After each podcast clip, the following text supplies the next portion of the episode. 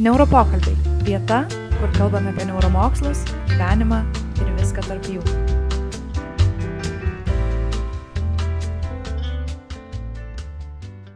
Sveiki mūsų tinklalaidės klausytojai.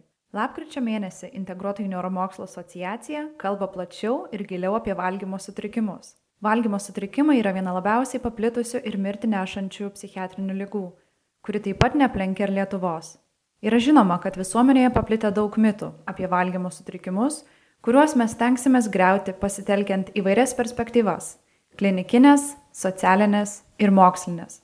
Šį mėnesį jau kalbinome psichiatrę, psichoterapeutę, valgymo sutrikimų centro vadovę Brigitą Baks, kuri papasakojo apie valgymo sutrikimų simptomatiką, kaip juos atpažinti, skirtumas tarp anoreksijos, bulimijos, persivalgymo ir ortoreksijos, Papasakojo apie multimodalinį gydymo modelį, kuris yra taikomas valgymo sutrikimų centro pacientams. Taip pat atvirai kalbėjomės apie valgymo sutrikimus su juos išgyvenusiais žmonėmis. Na, o šiame epizode kviesimės pasiklausyti apie valgymo sutrikimus iš mokslinės perspektyvos. Šios tinklalaidės pašnekovas - gydytojas psichiatras Robertas Strumila, kuris šiuo metu atlieka doktorantūrą Montpellier universitetinėje ligoninėje. Sveiki, Robertai. Sveiki. Pradžiai papasakok tiek apie save ir kaip jūs atsidūrėte Prancūzijoje, koks buvo jūsų kelias.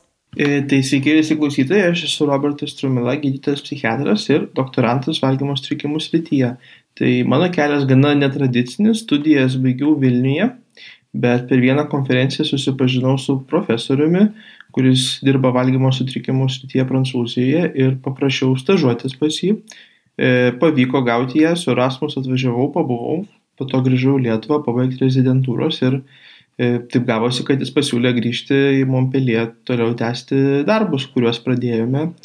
Ir šiuo metu esu čia, studijuoju doktorantūroje ir dirbu skyriuje valgymo sutrikimus su pacientais. Kadangi esate taip pat bendrinės ryties psichiatras, gal galėtumėte papasakoti, kaip jūs būtent įtraukė ši psichiatrijos rytis? Jau minėjote, kad sutikote būtent tą profesorių Montpellier, tačiau kokie yra jūsų bendri pastebėjimai apie valgymo sutrikimus kitų psichiatrinių lygų kontekste?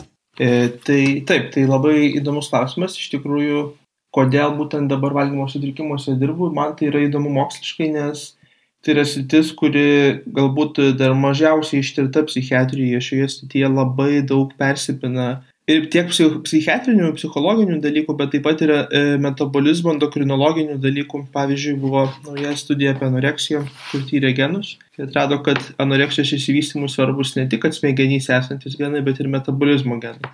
Tai mane tas labai traukia visas šitas kompleksiškumas. Ir pavyzdžiui, anoreksijoje mes neturime patvirtinto oficialaus nei vieno, taip sakyti, gydimo, kurį, kuriuos turim kitiems psichiatriniams sutrikimams. Tai šiuo atveju tai tam tikras yra iššūkis, nes mes turime taikyti daugybę įvairių multimodalinių metodų, kaip turbūt jau apkalbėjote su Brigita. Dėl to yra įdomiau. Tuo pačiu yra ir sunkiau. Tai visgi tas mane kažkodėl traukia ir žavi ir norėčiau aš daugiau padaryti galbūt mokslinių tyrimų siekiant geriau suprasti šituos sutrikimus. Kitas dalykas, tai yra labai augantis e, visuomenėje paplitimas šitų sutrikimų, ypač prie to prisidėjo pandemija, kai žmonės daug laiko praleido namuose, užsidarė, daugybę laiko galbūt socialiniuose tinkluose praleido, kas nėra gerai, e, ypač jaunoms merginoms. Ir e, mes matome, kad vis daugiau ir daugiau kreipiasi žmonių, eilės ilgėja, todėl reikalingos inovacijos šioje srityje ir tas e, irgi mane domina. O kuo skiriasi nuo kitų sutrikimų psichiatrinių, tai yra tam tikri specifiniai skirtumai. Pavyzdžiui, tarkim, mano doktorantūros tema yra suicidai valgymo sutrikimuose. Tai valgymo sutrikimai sergančios pacientės kartais naudoja laisvinamosios vaistus, kad mestų svorį. Ir mes padarėme tyrimą, kuriame atradome, kad tie laisvinamieji vaistai didina labai suicido riziką. O kodėl taip yra? Tai galbūt čia tik hipotezė, bet e, dėl pažeidimų žarnyno mikrobiomui, e, žarnyno sienelės sutrikimų, dėl ko elektrolitų balansas sutrinka ir išsiderina įvairūs neuromediatoriai, kaip žinia, serotonino 90 procentų yra žarnyne, vagus nervo veikla sutrinka Ir tai yra specifinis rizikos faktorius, kurį turi šie pacientai, kurie serga valgymo sutrikimais. Bendrai, tarkim, depresija sergantys pacientai neturi šitos, šio rizikos faktorius. Labai įdomus pastebėjimai, Robertai, ir ypač ta dalis mane sudomino apie žarnyno ir smegenų sąryšį, būtent per vieną iš mechanizmų, tai yra vagus nervą. Bet jūs taip pat minėjote apie metabolizmą ir metabolizmo genus. Gal galėtumėte plačiau pakalbėti apie genetinę valgymo sutrikimų pusę ir kokiegi yra genai susijęs su metabolizmo reguliavimu? Tai ten buvo GVAS, Genome Wide Association Study, kur rado, jog anoreksijos konkrečiai išsivystymui reikalinga ne tik, kad e, psichiatriniai, e, smegenys esantis genai, kurie daug žmonių, sakykime, turi tam tikrų obsesijų kažkokių specifiškai renkasi valgyti vienus produktus ar kitus, ten jiem nepatinka jų kūnas ir panašiai, bet jie nesusirga anoreksija. Tai metabolizmo tie genai, jie buvo, dabar tiksliai nesiminsiu konkrečiai kokie, bet e, jie yra susiję su insulino signa, signalais, yra susiję su dopamino e, signalais ir, ir, ir reikalinga ir šita dalis, nes, e, sakau, vien tik tai smegenyse esančių genų, tarkim, mes dažnai matome komorbidiškumus valgymo sutrikimuose, depresijos, nerimo sutrikimų, bet dauguma depresija nerimo sutrikimų sergančių žmonių, jie neturi valgymo sutrikimo šalia. Čia yra naujas rytis, mes dar daug apie tai nežinome, bet kliniškai mes tą vertinam. Pavyzdžiui, mano valgymo sutrikimų centre pacientai, kai ateina į vertinimui, e, dienos ligoninėje, juos visą laiką vertina ir endokrinologas. Mes tyriame glikemiją, lipidų balansą, e, skydliaukės hormonus, ir dar daugybė dalykų.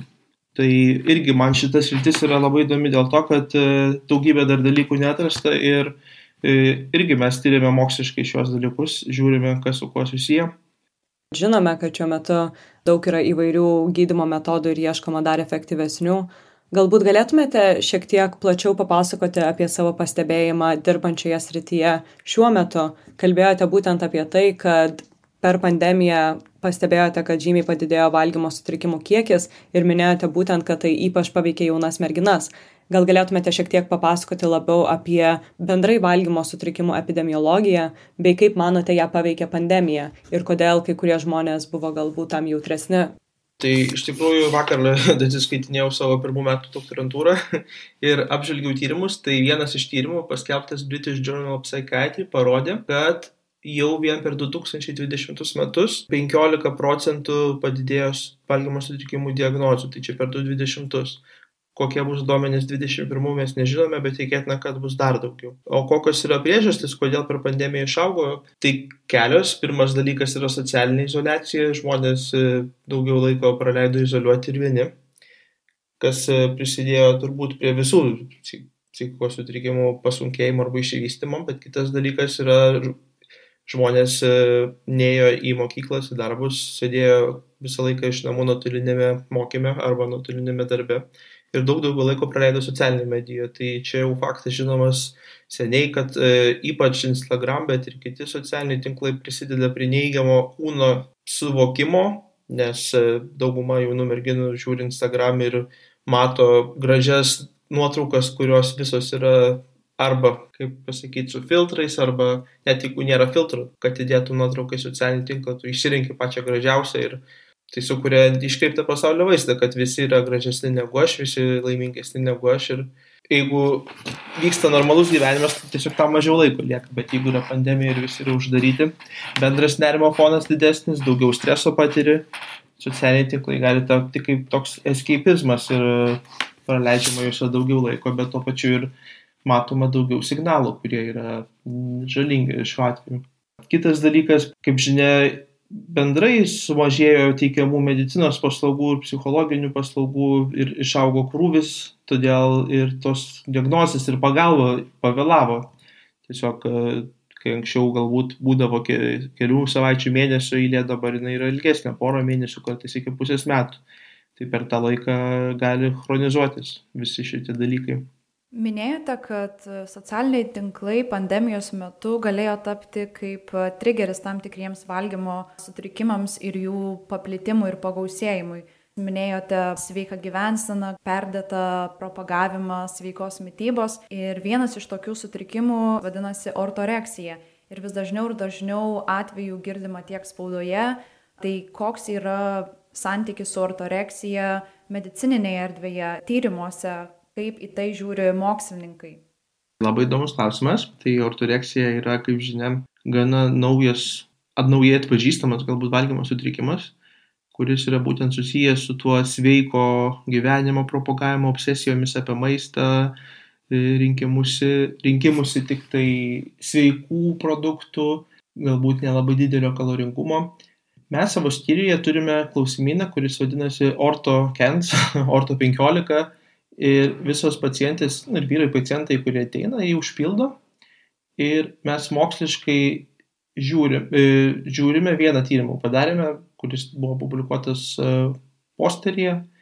Tai ortoreksija yra panašu tam tikra prasme į anoreksiją psichologinėme lygyje, tai mes matome obsesijas, selektyvumą, tačiau tai nėra tas pats, galbūt nėra to tokio svorio praradimo, e, nėra išsiekimo, e, kūno išsiekimo, tai yra ir panašu, bet ir skirtinga. Tai, va, tai yra gana naujas dalykas ir mes tyrėme vis labiau ir labiau tą bet tai nėra toks sunkus sutrikimas kaip, sakykime, anoreksija. Ir jisai galbūt priklauso labiau nuo konteksto, galbūt jeigu mano draugai vat, dabar sveikai maitinasi, aš irgi sveikai maitinuosi, bet tai gali būti tokiam kaip fazėm, tarkim, gali žmogus porą metų būti labai susidomėjęs tom sveikom mytybom, bet po to tiesiog tai praeina.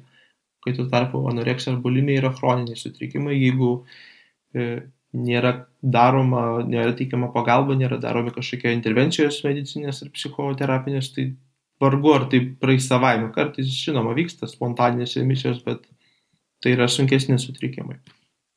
Dažnai dirbdama neuropsichiatrijos srityje ir būtent vykdydama e, tyrimus gaunu klausimą, kaip atskirti, kuomet psichiatrinis sutrikimas yra iš tikrųjų psichiatrinis, o kuriuo metu tai yra tiesiog žmogaus būsena, kodėl ją reikia būtinai klinizuoti ir padaryti klinikine.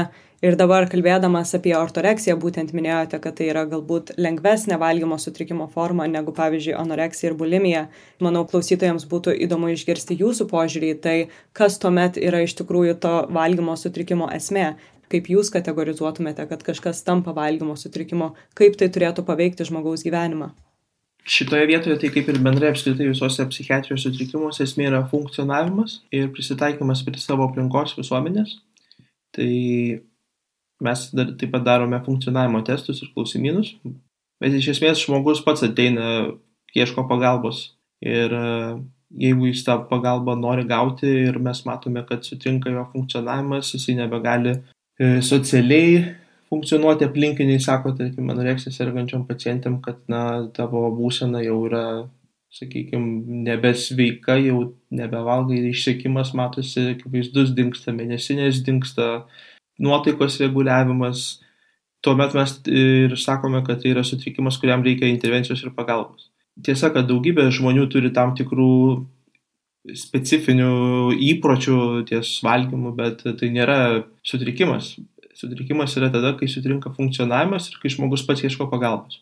Aišku, būna dar tuo atveju, kai žmogus yra neįgime, aplinkiniai visi pastebi, kad e, kūno masės indeksas gerokai per mažas, e, yra specifiniai valgymo įpročiai, vengiamas tam tikrų produktų, pacientai gali ir vemti, būti labai fiziškai aktyvus, tačiau neigia, kad tai yra problema, bet tuo metu visi aplinkiniai mato, kad yra problema ir funkcionavimas paprastai tokio žmogaus yra sutrikęs, tuomet e, paprastai įkalba draugai ar šeima, kad reikia tos pagalbos ieškoti ir tuomet irgi tai yra sutrikimas.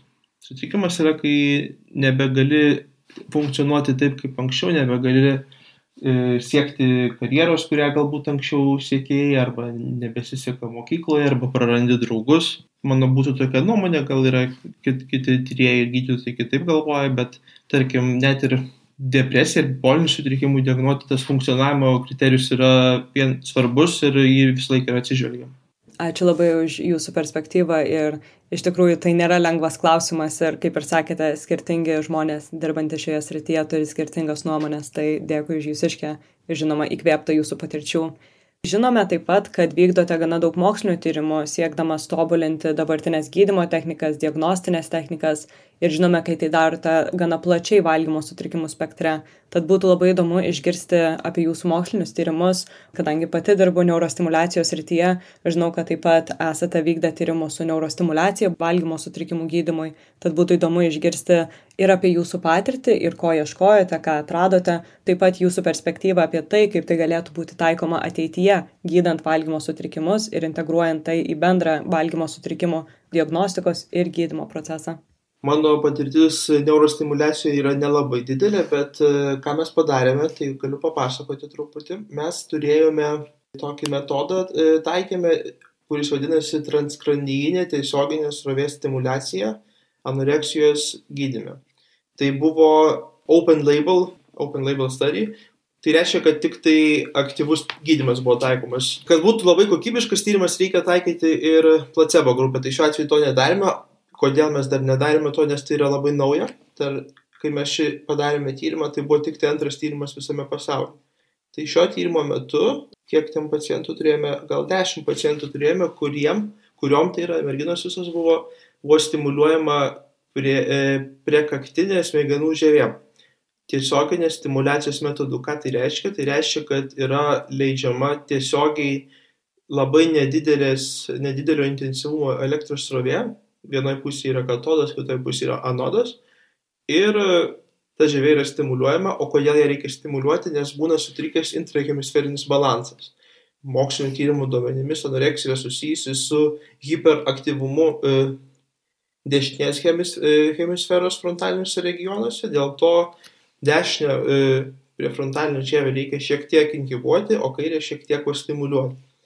Tai va, mes padarėme tą tyrimą, prieš tyrimą pacientai užpildė klausimynus, kurie matavo, ką matavo valgymo sutrikimų simptomus, matavo depresinius simptomus, e, taip pat matavo funkcionavimą, kaip jau minėjau.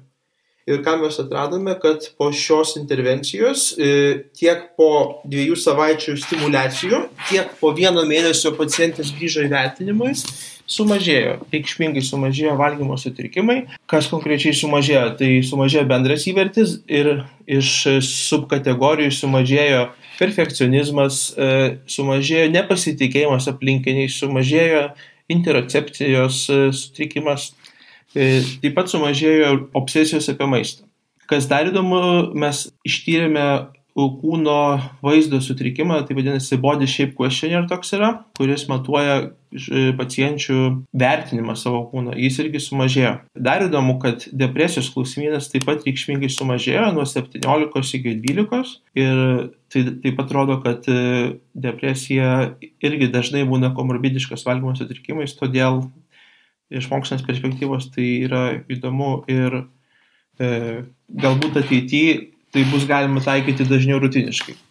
Tai šis tyrimas, jisai, kaip jau minėjau, neturėjo kontrolės grupės, todėl jį reikėtų replikuoti su kontrolinė grupė, kad pamatytume, kiek tai yra rezultatas to tiesioginės stimulacijos, o kiek tai yra rezultatas to, kad tiesiog pacientai gauna rūpestį, jeigu turi klausimų, juos yra atsakoma.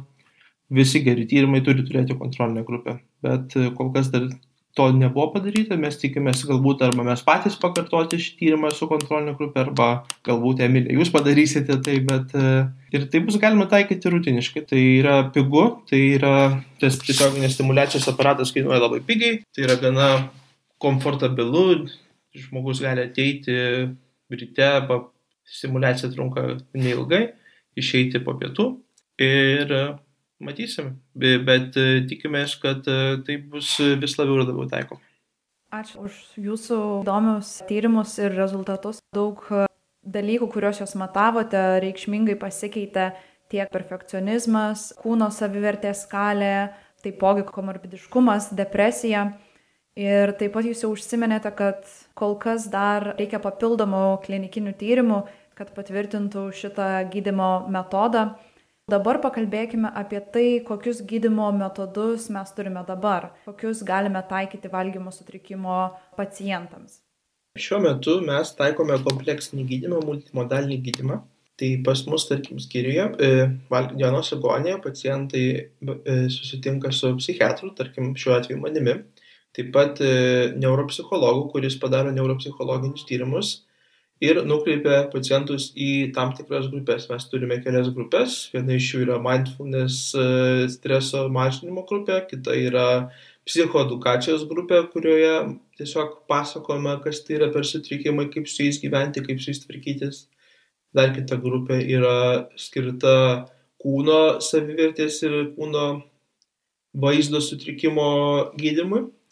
Ir taip pat e, kiekvienas pacientas turi galimybę turėti individualų psichologą, su kuriuo gali aptarti arba tam tikras e, psichologinės jam rūpimas problemas, arba taikyti individualią psichoterapiją. Taip pat mes turime dietologą, kuris ištiria paciento e, metabolizmą, ar jisai yra sumažėjęs ar ne. Taip pat sudaromas yra individualus valgymo planas ir taip pat yra endokrinologo konsultacija, kurios metu, tarkim, aptariama mėnesinės, kodėl dinksta, ištyriama yra e, įvairūs vitaminai, paskiriama dažnai mes matome vitamino D, vitamino A trūkumą, paskiriami papildai, jeigu reikalingi. E, jeigu, tarkim, yra skydliukės hormonų sumažėjimas, paskiriami skydliukės hormonų tiroksinas. E, ką mes darome psichiatrai, mes, kadangi neturime tokio vieno stebuklingo vaisto, mes simptomiškai gydome. Jeigu yra miego sutrikimas, e, stengiamės sutvarkyti jį.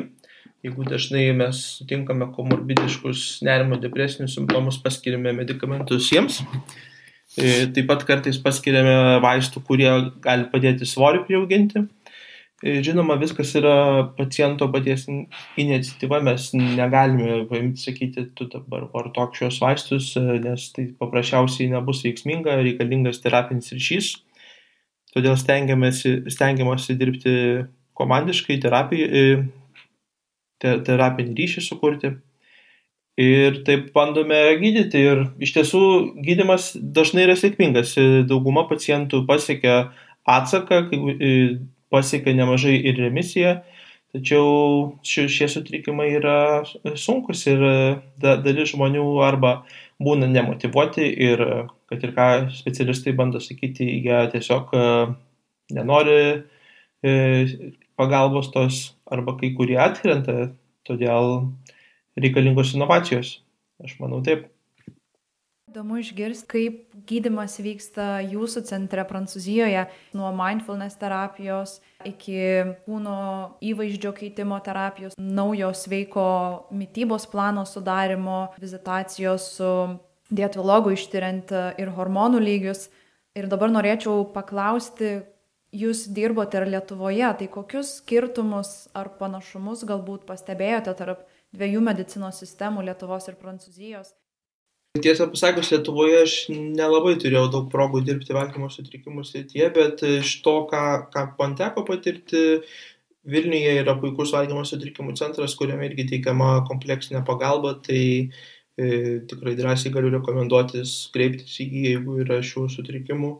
Žinoma, visą laiką galima kažką padaryti geriau, tai galbūt būtų galima labiau bendradarbiauti tarp somatinės medicinos ir, tarkim, daugiau pacientų ištirti endokrinologiškai, tačiau tai kainuoja nemažai ir viskas remiasi turbūt finansinės galimybės.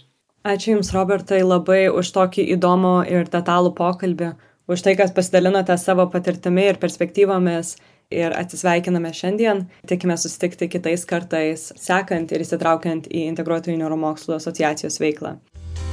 Ačiū, kad klausėtės neuropokalbių.